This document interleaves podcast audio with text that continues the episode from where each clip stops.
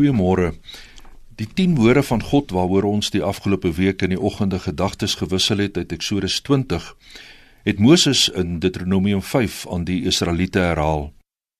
Hy het as ware die 10 woorde van God sy eie gemaak, in sy hart gebeere en het dit nodig geag om dit weer aan die Israeliete te herhaal. Daarom sê hy in hoofstuk 5 vers 1: Luister baie goed na die voorskrifte en bepalinge wat ek vandag aan julle gee leer dit en maak seker julle is gehoorsaam daaraan.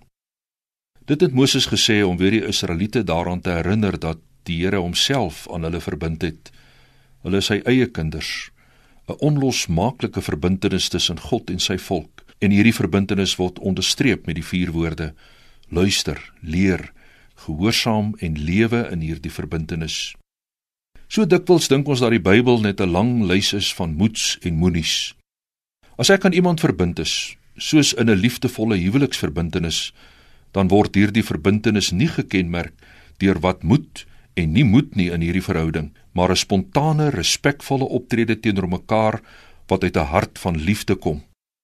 Dit is nie 'n verhouding wat deur wette gereël word nie, maar 'n spontane optrede teenoor mekaar wat uit wederwysige liefde vir mekaar spruit.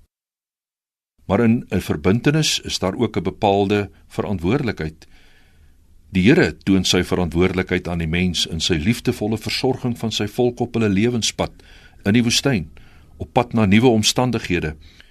En die mens leef sy verantwoordelikheid aan God uit deur te leef volgens die rigsnoere waaraan Moses die volk herinner. Dit het niks te doen met wettisisme nie, maar alles te doen met wederwysige liefde tussen God en sy kinders en sy kinders teenoor God. Christene is God se kinders. Ons deel in hierdie ooreenkoms wat God met ons as Christene gesluit het.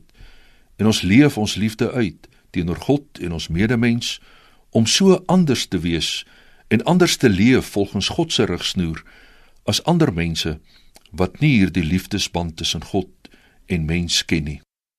Kom ons bid saam. Ons Vader wat in die hemel is, ons is bewus daarvan dat U in 'n liefdesverbintenis met ons as U kinders staan.